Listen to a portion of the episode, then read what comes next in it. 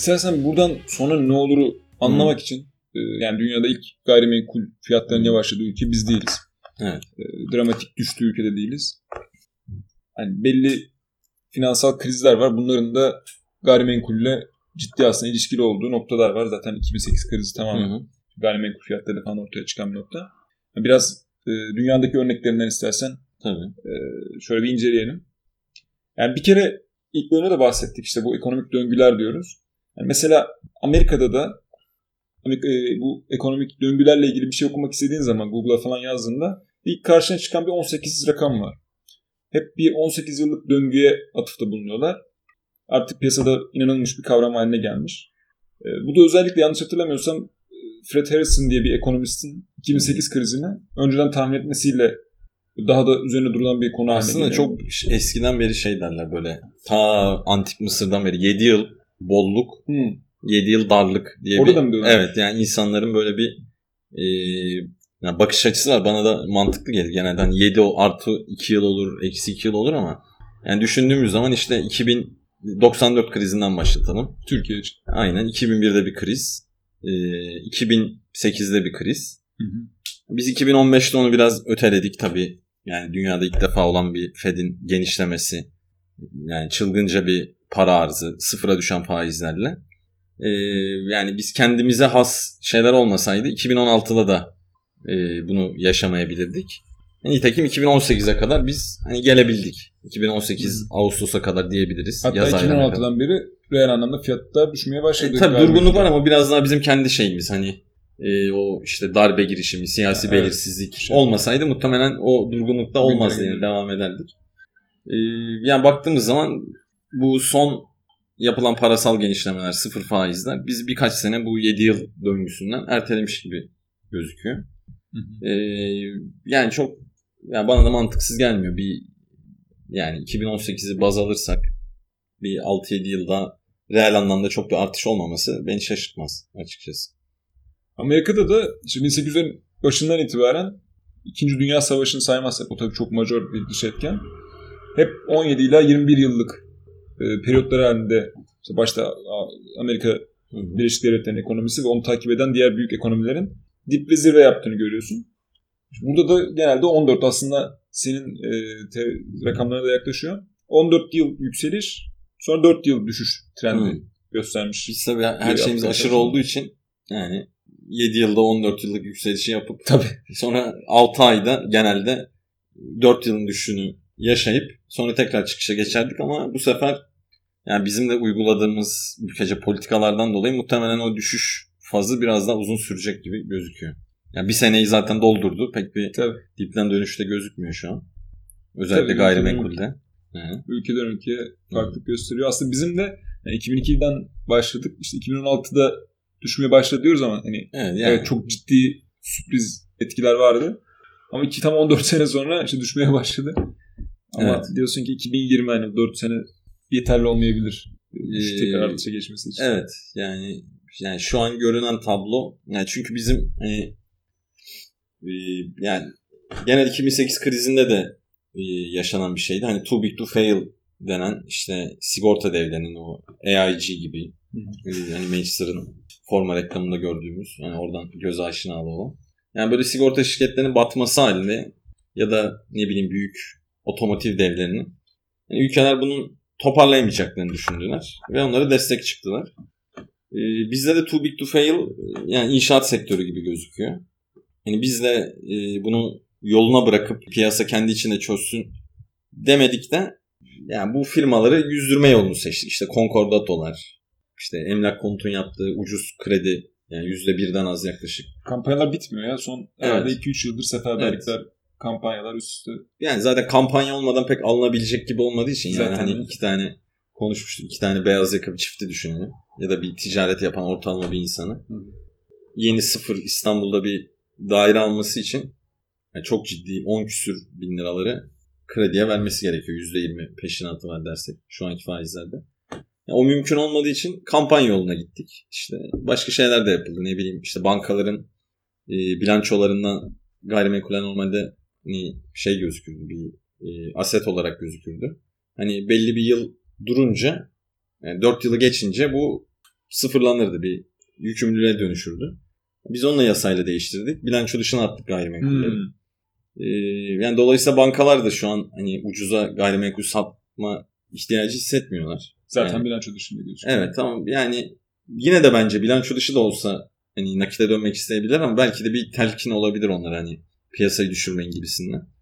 Ee, öyle olunca e, bir şey yapmadık yani hani kendi haline bırakıp piyasayı kendi kendini toparlamasını seçmedik. Yüzdürme yolunu seçtik. E bu da tabii çöküşü geciktirdi ama çıkışı da uzattı tabii. Aynen öyle. Ee, tabii işte bu rakamlar hani 18 yıl ya da Hı. 7 artı 7, 14 yıllar tabii tesadüf olabilir ya da olmayabilir. Ama biz farklı ekonomilerde baktığımız zaman belli aşamaların böyle tekrar ettiğini görüyoruz. Yani ekonomik, ekonomik krizlerin genellikle çok hani bileşenli böyle komplike nedenleri oluyor ama gayrimenkul mutlaka bunun içinde mutlaka değil ama genellikle baktığımız zaman e, hep bir yeri oluyor, önemli bir yeri oluyor finansal krizlerde. Tabii yanıltabiliyor da bir yandan. Hani ben şahsen 2015 gibi e, yani şu an hatırlıyorum. E, 2013'te falan 2015 gibi bu işin artık bir duraklamaya, durgunluğa gireceğini düşünüyordum şahsen. Ama 2015-16 mesela en çok reel getirinin sağlandığı 2 yıl oldu. Hani sürekli krizde bekleyince treni kaçırma ihtimali de artıyor. Yani Doğru. aslında kriz beklemek değil de bir durgunluk emareleri gözükünce elden çıkarmak daha mantıklı olabilir bu tarz yatırımları. Yani kriz olacak ben çok erken davranayım deyince de bu sefer o köpüğü kaçırma ihtimali doğuyor. Evet açıkçası. aslında köpük kazandırıyor. Yani evet yani kalabilir yani ne bileyim lale çılgınlığı ya bunun şeyi Tabii. en büyük şeyi. Hani o son 6 ay dayın 6 ay önce bunu sezen biri ya belki o 6 ayda servet yapabilecek Duruma fırsatı geliyor. kaçırmış Doğru. oluyor. Ha, bu da yine bizim işte trend analizinin Evet, önemine evet, geliyor. evet. yani iyi traderların da böyle anlarında falan hep yazdığı Trend gibi. is your friend dedikleri. Aynen öyle yani aslında şeyi görmek çok zor yani aşağı yönlü olan bir hareketin ne zaman yukarı döneceğini kestirmek hakikaten zor. Ama yukarıya döndüğü andan itibaren hani tekrar aşağıya dönene kadar o trendi yakalamak aslında daha mümkün. Evet ama işte yani psikolojik açıdan zor bir şey. Zor Yani yani. özellikle gayrimenkul gibi böyle yani satış süresi zaman alan bir şey de yani işte 3 ayda satılır derler ama Türkiye'de genelde bu ilan süreleri Uzun. uzun. Yani özellikle şimdi iyice uzun. Hani ben arada bakıyorum. Yani bir yıl önceki ilanlar Duruyor. duruyor. Fiyatları da aynı. Ee, yani onu baştan sezebilen zaten hani Evet. çok hakikaten İyi iyi, bir yatırımcıdır. zaten. Yani. O oluyor. O zaman diğer yani özellikle bu 80'lerdeki e, sermaye hareketlerinin hani sınırlandırılmasının artık biraz daha gevşetilmesiyle Hı hı. ortaya çıkan e, benzer krizlere de bak- bir bakabiliriz yani dünyada olan. Burada Ali Hepşe'nin bir eseri var. E, ben de bu podcast'a başladıktan sonra e, kitabı da satın aldım. E, sanıyorum herhalde kendisinin akademik makalesinden uyarlanmış bir kitap. E, bu da güzel bir fikir veriyor aslında. Yani öncelikle işte Japonya'da yine 90'ların başında sonra İsveç'te ortaya çıkan krizler var. Hemen takip eden süreçte e, Asya krizi var 90'ların sonunda. Bunlar da hep benzer aslında bir e, döngüden Hı hı. bahsediyoruz. Yani Türkiye'de de e, tabii ki farklılıklar arz etmekle beraber benzer noktaları da görüyoruz. İşte öncelikle bir faiz oranlarında bir düşüş ortaya çıkıyor. Sonra faiz oranının düşmesiyle ucuzlayan işte sermaye maliyeti gayrimenkul sektörünün açıdan kredi miktarında çok hızlı bir artış Yani para her zaman yani imkan varsa en kolay kazanabileceği yere gider yani iki kere iki dört. Herkes Aynen. kolay para kazanmak ister. Yani kaldıraç etkisinin de en yüksek Hı. olduğu yani sen mevcut sermayenin yapabileceğin en Hı büyük yatırım e, finansman anlamında gayrimenkul yatırımı normal yatırımcı için. hı. hı.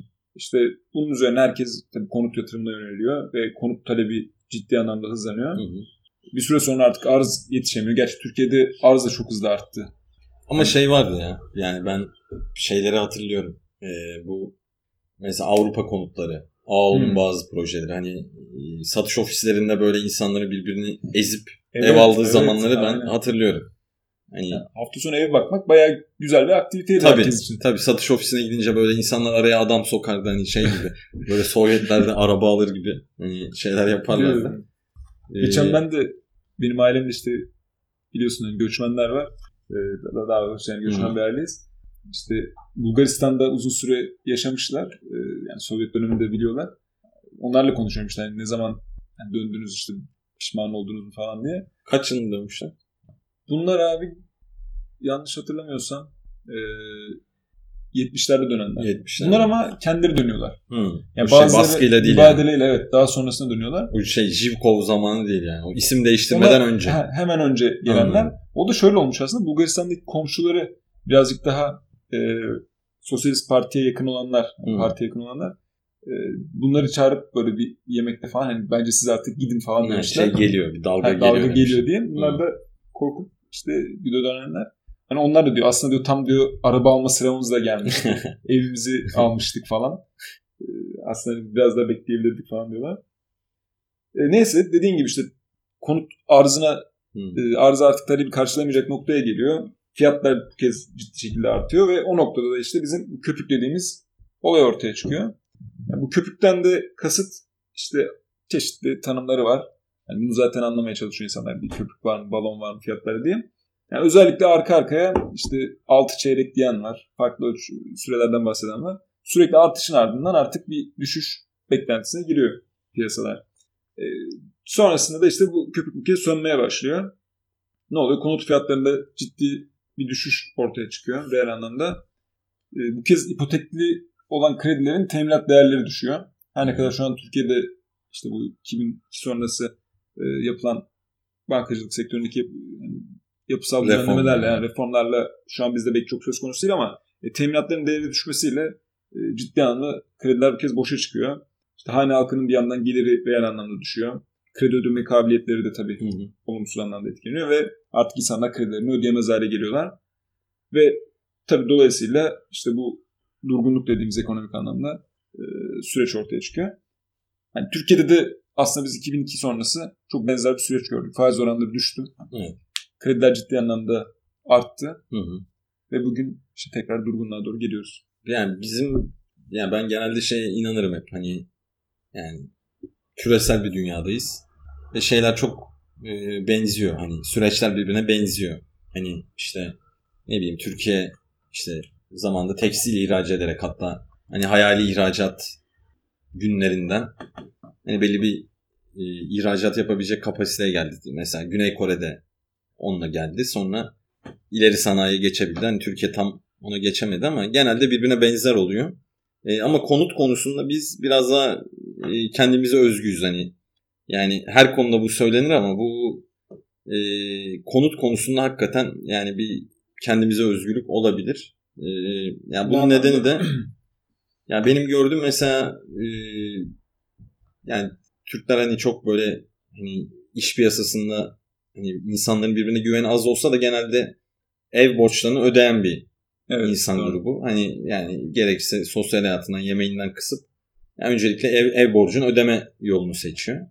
Ee, yani ne bileyim Latin Amerika'ya işte e, Asya'nın bazı ülkelerine göre o konuda iyiyiz. Bir daha bir şeye bakalım istersen. Şimdi işte Japonya, İsveç ve Asya örnekleri var elimizde. Daha sonra işte Amerika'daki mortgage krizi de var. O tabii daha sonra farklı etkileri de var bildiğin gibi türev piyasalar vesaire. Yani bu piyasalarda fiyatlar kriz sonrası Hı hı. kriz önceki seviyelerine ne zaman ulaşmış? Ee, Biraz ondan bahsedelim istersen. Şimdi geçen bölümde aslında konuşmuştuk. Japonya burada bayağı ilginç bir örnek. Adamlar Hı. işte 80 sonrası 90'larda daha doğrusu işte 80 boyunca hani ciddi anlamda iş dünyasında böyle harikalar yaratmasının ardından en başta ticari gayrimenkul, arsa fiyatları ve konut fiyatları böyle ciddi anlamda uçuyor. Hı hı. Ve bugün baktığın zaman neredeyse hala aynı seviyesine hani yeni yeni ulaşıyor gibi Hı hı. çok uzun süre ulaşamıyor. Yani burada 90'dan e, 2019'a neredeyse 30 senelik bir süreçten bahsediyoruz. İsveç bir istisna. İsveç'te e, bu balon oluşmasından ve işte balonun sönmesinden itibaren aslında kısa süre sonra fiyatlar toparlanıyor ama onda Hı. aslında galiba özel bazı dinamikleri Evet. var. Yani İsveç'te işte bu sosyal konut Aslında İhtiyacı hepsinin konusunda. biraz. Özel mutlaka hepsinin vardır yani. Aynen. Yani e, Japonya'nın mesela o 90'lardaki teknoloji seviyesi o e, yani application çağından önceki hı. o bildiğimiz ham teknolojideki geldiği seviye tabii onun ihracatını etkileyip e, gelen kazançla e, konut fiyatlarını etkiliyor. Aslında baktığımız zaman konut fiyatlarını genelde yani ülkenin dünyada edindiği yer gibi de bakabiliriz aslında. Ha, çok doğru. Yani, Yani- o ticari başarı olmadan aslında Evet. konut fiyatlarındaki her artış bir anlamda belki o köpüğü oluşturuyor diyebiliriz. Yani ya da böyle çok istisnai bir örnek ne bileyim bir Monaco'sundur. Hı. Yani dünyanın bütün zenginleri Tabii gelip o. senden ev alırsa yani kira çarpanı diye bir şey de olmaz. Hani yani İstanbul'daki yalılar gibi hani normal bir kira çarpanı Türkiye'de 20 yılsa yalılarda 50-60 yıldır. Hani o prestij değerini oluşturabilirsen o, da tabii senin ülkenin dünyadaki edindiği yerle çok bağlantılı aslında. Hani Bir ticari başarın olmaz da bir hayat kalitesi sunarsın. Tabii. Ne bileyim aslında Türklerin Araplara şu an sunduğu gibi hani bir Evet. Şu an yani Müslüman coğrafyada bir rahat hareket edebilecekleri bir alan sağlayınca özellikle bu vatandaşlık hakkından Evet. sonra. yani, e, yani hem kendilerine yakın hem de böyle bir batı özgürlüklerinden de biraz bir şeyler sununca onlar da çok finansal getiriye bakmadan yatırım yapabiliyor Türkiye'de de. İşte Asya krizi var daha sonra. Diğer örnek Asya. Diğer Hı hı. örnek. Orada da yine enteresan. Ee, aslında kriz sonrası ancak böyle 2005 ve hatta 2008 krizinden sonra fiyatlar kriz öncesi seviyesine gelebiliyor ve daha da artış gösteriyor. Orada da yine son dönemde işte bildiğin gibi bir durgunluk söz konusu. Hı hı. Yani orada da yani tek tek örnekleri incelersek işte Japonya'yı dedik. Hani e, İsveç'te dediğin gibi fiyatların artmasında orada da bir siyasi etkenler var benim çeşitli kaynaklardan gördüğüm. Hani genellikle böyle sosyal devlet olduğu için İsveç Hı hı. e, çok fazla sübvanse ediyor çeşitli konutları. E, bunlar sübvanse edilince hani normal piyasadaki konutlar belli bir arz sıkıntısı oluyor. Bir de orada tabii Türkiye'deki gibi hani arsam var, biriyim var, Tabii direkt. belediyeyle konuşayım, iki yapayım olmadığı için yani işler daha yavaş yürüyor. Dolayısıyla arzda bir kısıntı oluyor. Ee, yani bu arz kısın sıkıntısı e, ve İsveç'in çok göç alması gibi etkenler tabii gayrimenkul fiyatlarını hani Bayağı çok ciddi evet çok ciddi etkilemiş. Yani Türkiye'de de aslında baktığımız zaman bu 2015-16'daki e, Türkiye'nin o reel olarak dünyada birinci olduğu getirdeki dönemde de bir Suriyeli etkisinden bahsedebiliriz aslında İstanbul'da Tabii özellikle. tabii. Yani, O demografik yani demografi de çok evet yani Japonya nasıl 90'larda yaşlanmaya başlayıp gayrimenkul fiyatları da düş, düşmeye başlamışsa reel olarak hani Türkiye'de de o milyonlarca kişinin göç etmesi tabii olumlu olarak etkiledi etkiliyor. şey gayrimenkul fiyatlarını. Ya burada aslında genel böyle dünyaya baktığın zaman şunu görüyorsun abi. Tabii ki bankaların işte verdikleri piyasaya sağlıkları finansman çok önemli bir gösterge ekonomik büyümede. Ee, aslında 90'lar sonrası hani sadece Türkiye'de değil, evet, Türkiye'de belki bar- yapılmış bariz belli hatalar var. Ee, ama dünyada da hani ne zamanki krediler var olan, daha doğrusu var olmayan varlıklardan yani yeni bir şeyler üretmekten tutup da dönüp var olan varlıklara kaydığını tespit ettiğimizde işte bununla da ilgili böyle teoriler var yani depth shift Hı. teori falan diye geçiyor. Ee, yani var olan varlıklara verdikleri zaman kredileri ciddi anlamda bu balonun oluştuğunu görüyoruz yani. E tabi biz kendi aramızda yani konuşuyorduk o gayrimenkulün uçtuğu yıllarda da hani yani gayrimenkul sonuçta bir ihraç malı değil. Hani yani ne kadar yabancıya da satsanız bu çok kısıtlı kalıyor. Sonuçta çeşitli malları genellikle ithal edip özellikle işte iç içte kullanılan hani iç evin içinde kullanılan malzemeleri ithal edip bir yatırım yapıyorsunuz. Bunu da gene iç piyasayla iç piyasaya sunuyorsunuz. Bu krediyi de dışarıdan alıyorsunuz. Hani bankalar dışarıdan e, Yani borçlanıp. Libor üstü birkaç puanla borçlanıp iç piyasaya sunuyorlar. E, bu da e, yani çok şey sağlamıyor hani. Yani çok bir katma değer yaratan bir Katma sektör değer. değil. Tabii canım eskiden Türkiye'de biz hep hani fabrikatör çocuklarını falan konuşurduk. Şimdi mesela hani bir fabrikatör çocuğun yaptığı faaliyetten bahseden yok. Yok fabrika yani fabrika sahibi olmak biraz e, son yani özellikle 2000 2000'lerin başından beri biraz hamallık gibi oldu hani üretim yapmak. Evet. Yani daha çok işte yani bir iyi bir yerde arsa alıp müteahhite veren zenginlerden bahsedildi genelde. Yani bunun da bir yerde tıkanacağı e, belliydi Belliydi, zaten. E, o tıkanıklığı da yaşadık şu an. Ama bunun e, toparlanması tabii yani o sürekli o cari açık verdiğimiz, finanse ettiğimiz dönemlerin sonuna şimdi cari fazla mı vereceğiz acaba noktasına geldik. E, yani dediğim gibi bu yani bu süreç bir 5-6 yılda benim gördüğüm sürebilir. Yani bu inişli çıkışlı. Ee, yani o sürer bir de o 2002'den sonraki müthiş artışı da belki de yani bir daha dünyadaki örneklere baktığımızda öyle Evet. çok kolay kolay göremiyoruz yani. Evet yani o ne bileyim yeni bir kredi yani teknolojinin gelişmesi yeni bir kredi şekli ortaya çıkar. Şu an bizim de bilmediğimiz hani paranın maliyeti iyice ucuzlar. Yani öyle bir şey gerekir. Yoksa zaten yani gayrimenkulün getirisi de ortada. Hani kira ver, vergiler de artıyor şu an. Hani bir kirayı şeye veriyorsunuz. e, devlete veriyorsunuz yıllık. Emlak vergileri de arttırıldı. E, ki devletin para ihtiyacı oldukça bu elinde mülkü olanlardan para transfer etme ihtiyacı da artacaktır. E, dolayısıyla yani o yılları o istisnai olarak bakabiliriz o yıllara bence. Evet katılıyorum. abi. Hatta biz e, biliyorsun ben şirket değerlemesiyle ilgili Hı. çalıştım bir dönem. Yani orada bir sermaye maliyeti hesaplarsınız işte indirgeme oranı olarak. İşte sermaye maliyetinde iki bacağı var. Birisi borçlama maliyeti, birisi de öz sermaye maliyeti. Öz sermaye maliyetine de işte öz sermayenin unsurları işte nedir? Yani bir şirkete sen ortak olacaksan Hı. yani normalde işte ya temettü kazancın ya da sermaye kazancı olarak geçen işte fiyat e, yani hisse senedinin fiyat artışı Evet. olarak kabul Ana para kazancı. Ana para kazancı. Hı. Hani orada da biz hep işte bu KEPEM gibi e, bu modern finans teorisini oluşturan Hı. modellerden yararlanırdık. Hı. Yani bir süre sonra biz arkadaşlarla aramızda şunu söylüyorduk. Yani biz artık hani KEPEM falan değil. Sonuçta sen e, bir sanayicinin işte mesela bir üretim şirketini değerliyorsun. Bunun öz sermaye maliyetini değerlendirirken adam öz sermaye maliyetini fırsat maliyeti olarak görüyor. Ki Hı öyledir. E, Hani bu parayı ben başka nerede değerlendirebilirim gözüyle bakıyor.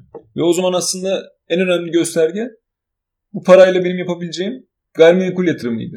Evet. Hani bir ara aramızda bunu konuşuyorduk. Yani biz aslında bu tarz hesap, yani komplike hesaplamalara hiç girmeyelim. Bu adamın parasıyla bir arsa alıp işte bir ya da şehirsel dönüşüm projesine girip Hı hı. kazanabileceği parayı karşılaştıralım falan diyorduk yani. Ya mantıklı zaten yani bir sürü sanayici de ben çok duydum röportajlarında ya da çeşitli vesilelerle. Yani adam mesela Çekmeköy'de sanayici. işte zamanında orada oralar gelişmemişken bir arsa alıp e, üretime başlamış. Sonra da şehir büyüdükçe oraya imar gelmiş. E, yani bir sürü sanayici hani biz bu gayrimenkulden kazandığımız parayı sanayiden kazanamadık yıllar boyu diyordu. Hani fabrikanın sadece Tabii arsasını vermesi ama öyle bir rant yaratıyordu ki yani adam sanayiden kazanamamış o parayı. Tam Ee, olarak öyle. Biz hatta şunu çok yaşadık. Dediğin gibi adam işte İstanbul'un hemen dışında belli bir hatta dışında bir şu an içinde üretim sahası var. Ee, belli bir işte kimyasal üretim yapıyor mesela. Adamın nakit akışlarını hesapladığında ortaya çıkan değer o kadar adamı tatmin etmiyor ki adam şunu söylüyordu. Ya ben bugün fabrikanın arazisini satsam daha fazla kazanıyorum. Doğru. Biz de o zaman diyorduk ki o Sat. zaman sen yanlış iş yapıyorsun. Yok, Satmalısın sat yani. Sat. Evet mantıklı. Daha uzak bir yerde kiraya geç. Aynen. Onun üretimi. Yani zaten baktığımız zaman ne bileyim yani Büyükdere Caddesi İstanbul'un hani yani en Kalbi. kalbi en böyle Prestij. prestijli caddesi. Yani oradaki bir sürü yerde işte kanyonu ne bileyim metro sitesi bunlar da hep eski fabrika arazileri zaten. Doğru. Onlar Yani e, ne bileyim Akasya var karşıda benim evime de yakın. O da mı önemli? Orada Ford'un şey eski Ford fabrikası. Öyle mi? Ha bilmiyordum. Yani tabii Ford çok karlı çıkamamış ondan ayrı hikayeler Hadi. var. Aynen bir imar değişiklikleriyle e, Koç grubu çok karlı çıkamamış. Yani ama e, o da mesela bir fabrika arazisi. Ve yani Ford orada orada yapacağı üretimi İzmit'te de yapabilir ve yani çok ciddi bir rant getiren bir şey. E, yani burada da baktığımız zaman hani şey yani sonuçta Türkiye'nin bir nüfus artış trendi var ve yavaşlayan bir trend. Yani eskisi gibi öyle e, yani ortalama 4-3 çocuklar olan yıllardan şu an 2 2'yi zor yakaladığımız şeye geçtik. Hani çift başı. E, yani bu nüfus artış sürecinin getirdiği bir rant oldu. Hani o birikmiş yılların birikimini 2002'den biz 2015'e kadar yaşadık gibi geliyor bana. Yani şu an öyle bir nüfus artışımız da yok. E, yani öyle bir ilk defa mortgage'ı kullanacağımız bir durum da yok. 2002'de olduğu gibi. Yani dolayısıyla bu kadar sert hareketler beklemiyorum ben o yıllardaki gibi. Peki abi yani bugün değil de sen 2000 işte 15'te olsaydın mesela Hı. Konut fiyatları ciddi anlamda artıyor. Evet, Ciddi reel bazda dünyada bir olduğumuz yıllar. olduğumuz yıllar. sen biz demin söyledik işte sanayicisin. Bakıyorsun yan arsanda inşaat yapan adam ciddi anlamda kazanmaya başladı falan filan. E bu da tabii herkes için cezbedici bir nokta. Ama bir yandan da işte bu bizim konuştuklarımızı biliyorsun. Diyorsun ki Hı. bu bir cycle. Bunun çıkışı olduğu gibi inişi de olacak. E, ve artık fiyatlar durulmaya başladı. Hani bunu nasıl anlayabilirdi ki bireysel Yani- yatırımcı? Mesela Amerikan Başkanı meşhur John Kennedy'nin e, babası o da çok e, meşhur bir borsa, çok zengin bir insan. Hatta çocuklarını da e, yani birinden birinin Amerikan başkanı olması için yetiştirmiş. Hangisini yetiştirmiş? Ya hepsini yetiştirmiş hangisi denk gelirse diye. E, böyle Tutturmuş orduya yani. falan aynen bir tane tutturmuş. Orada gitmiş mi? Orduya falan katılmış işte John Kennedy. Bu çok bence güzel bir şey ya. Yani tabii benim biraz belki Ölüyormuş ama. öyle mi? Şeyde evet e, Pasifik'te Japonlar kamikaze saldırısı yapınca zor kurtulmuş. Vay. Bildiğimiz John Kennedy. Hani yani babası böyle bir kendine özel trenle gezen bir borsacı. Çok zengin biri. Kendi özel tren. Tabii o devirde şey yani. Bu şey hikayesi hani Londra'da bir tane Suudi Arabistan'da vatandaş biliyorsun o hikayeyi. Yok ilk defa. Ee, yani normalde böyle işte çok iyi bir arabası var. Yani altın kaplama Rolls Royce falan. Babasına mektup yazıyor. Diyor ki baba diyor bütün arkadaşlarım okula trenle geliyor. Hani ben işte Rolls gidiyorum böyle bir hani mahcup oluyorum falan filan diyor. Mektup yazıyor. Babası da cevap yazıyor. Oğlum o zaman bizi mahcup etme. Neyse yani parasını verelim. Altın tren al. altın trenle git. o Bu da onun gibi. Aynen bu da böyle şey yani 1930'larda 20'lerde bir insan ne kadar zengin olabilirse bir İrlanda göçmeni o kadar zengin bir insan. Ee, servetini de borsadan kazanmış. Ee, bir gün New York'ta ayakkabısını boyatıyor. İşte baba Kennedy. İşte necisin diyor ayakkabıyı boyayan çocuk. O da borsayla ilgileniyorum diyor. Borsacıyım diyor. Çocuk da buna sürekli işte şu hisseyi aldım, bu hisseyi sattım. İşte ne alayım, ne satayım Bay Kennedy. Sorular soruyor. Sürekli işte. Aa o Kennedy mi? Evet, evet. Sürekli Ha. o meşhur hikayedeki Kennedy. E, sürekli Şey, büyük buhran öncesi. Aynen tam Tamam. 1928 yılındayız. Hani Vay. dünyanın en büyük gelmiş geçmiş ekonomik krizi çıkacak. İşte Kennedy'ye sürekli soruyor şu hisseyi aldım bunu sattım gibi. Kennedy de ona geçiştiriyor bir cevaplar veriyor. Ofisine dönüyor ve çok kısa bir süre içinde bütün portföyünü boşaltıyor. Nedenini de yani ayakkabı boyacısı bile bu işe Tavsiye girdiyse veriyorsa. artık demek ki alabilecek bir insan kalmadı bu hisseleri. yani talep düşecek, borsada düşecek diyor. Aa, bunu hikaye biliyordum ama Kennedy olduğunu bilmiyordum. Aynen baba yani o böyle dizilerde falan da işte Boardwalk Empire'da falan da işlenen bir adam. Geçiyor mu? Aynen Ha. çok böyle şey bir adam. Yani Değişik kendine has bir adam. Ee, o satarak çıkıyor ve hani servetinin şu an olma nedeni, Kennedy'nin başkan olma nedeni orada yaptığı satış yoksa onun da birine düşecekti serveti. Belki batacaktı. intihar eden Wall Street'tekilere katılacaktı. Ya bu gerçekten hani çok bariz bir gösterge bir balonun bitmesine dair. Ben bunu daha çok yakın tarihte hani Bitcoin'in işte 19 binlerde olduğu Evet. dönemde de arkadaşlarla konuşuyorduk yani işte bu bazen işte bu şekilde geçebiliyor da Ben minibüste bir Ha. altcoin muhabbeti yapan çocuk duymuştum. Yani elimde olsa satardım ya da short yapılabilse yapardım. Öyle o yok. nokta evet ya da cover effect diye geçiyor. Ne zaman bir işte finansal yatırım aracı herhangi bir ana medyada kapakta konu oluyorsa Evet. o zaman da hatırlarsın Hürriyet'te de işte Hürriyet.com.tr'de şurada burada da Hı hı. Bitcoin yatırımlarından bahsederlerdi işte. Evet. Bizim çevremizdeki arkadaşlar işte teyzem beni aradı nasıl Bitcoin alınıyor söyle falan derdi. İşte yani duyduğun şey değil zaten- aslında. Komplo teorisi de değil. Yani alacak insan kalmıyor. Kalmıyor. Yani bütün hani bununla ilgili herkes, Herkes alabilecek almış herkes alınca talep azalıyor. Hani Aselsan'da da ben hatta bir 40'a çıktığı zaman şu an 18 falan yanlış hatırlamıyorsam. Ya metrobüste Aselsan aldım. Aselsan alalım diye konuşan insanlar görmüştüm. yani çevremdekiler de elinizde varsa satın demiştim hani. Bu artık doyuma ulaşmış diye. Doğru güzel gösterge. Yani gayrimenkulde de aynı. Mesela o işte o devirlerde böyle çok e, yani komik paralar 30-40 bine Beylikdüzü'ne ev satan böyle reklamlarla insanlar türemişti. Ondan sonra bitiremedi zaten mağdur Evet, etti de. evet.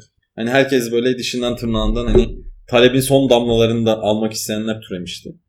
E, onun haricinde Ki bayağı da var ya enteresan yani. Hani, hani biz şimdi buradan bakınca böyle enteresan geliyor da hani sen 2016'da yani sırf konut almış olmak için konut yani yatırım yapmış olmak için konut almak bir numaralı yatırım bir numaralı yatırım aracıydı ya. Hani Yani. şu an garip geliyor ama Evet öyle. yani bir iki senede evet her şey değiş, değişti gibi oldu.